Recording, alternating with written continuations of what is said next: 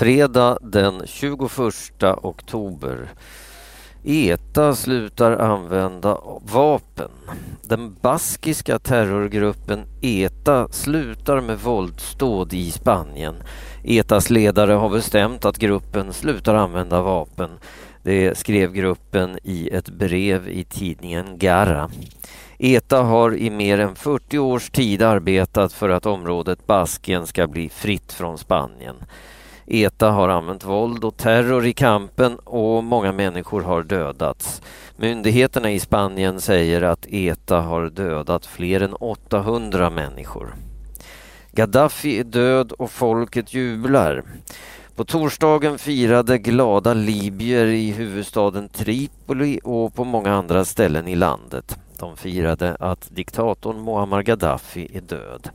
Efter mer än 40 års diktatur har Libyen nu fått chansen att bli ett demokratiskt och fritt land. Muammar Gaddafi hittades i staden Sirte av rebellsoldater på torsdagen.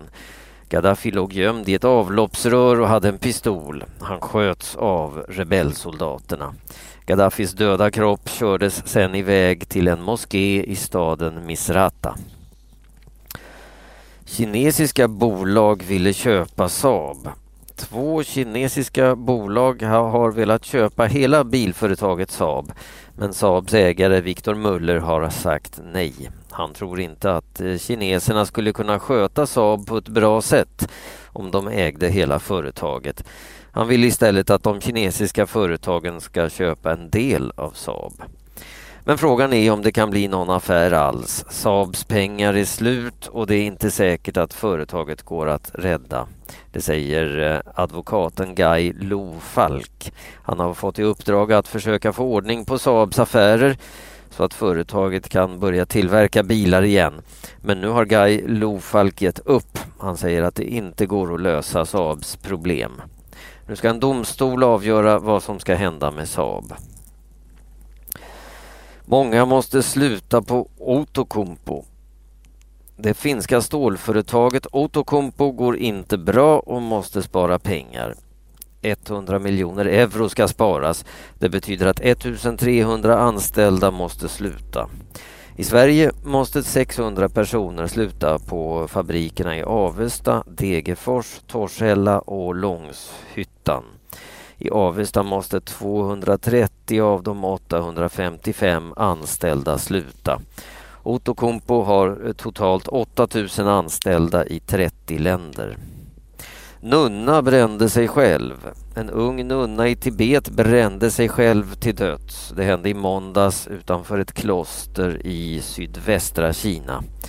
Vi vill ha religionsfrihet i Tibet. Vi vill se vår ledare Dalai Lama komma tillbaka ropade den 20-åriga nunnan innan hon tände eld på sig själv. Protesterna från de buddhistiska munkarna och nunnorna i Tibet blir allt mer förtvivlade. Sen i mars har nio tibetaner tänt eld på sig själva i protest mot den kinesiska regeringen. Två gripna för dubbelmordet. I onsdags hittades två äldre bönder döda på sin gård utanför Allingsås. Både mannen och kvinnan hade blivit mördade. Nu har poliserna gripit två personer. De är misstänkta för dubbelmordet. Poliserna tror att mördarna också stal saker från de två pensionärerna. Det saknas saker i bostadshuset, säger Thomas Fuxborg från polisen i Västra Götaland. Utrikesminister Carl Bildt kan förhöras.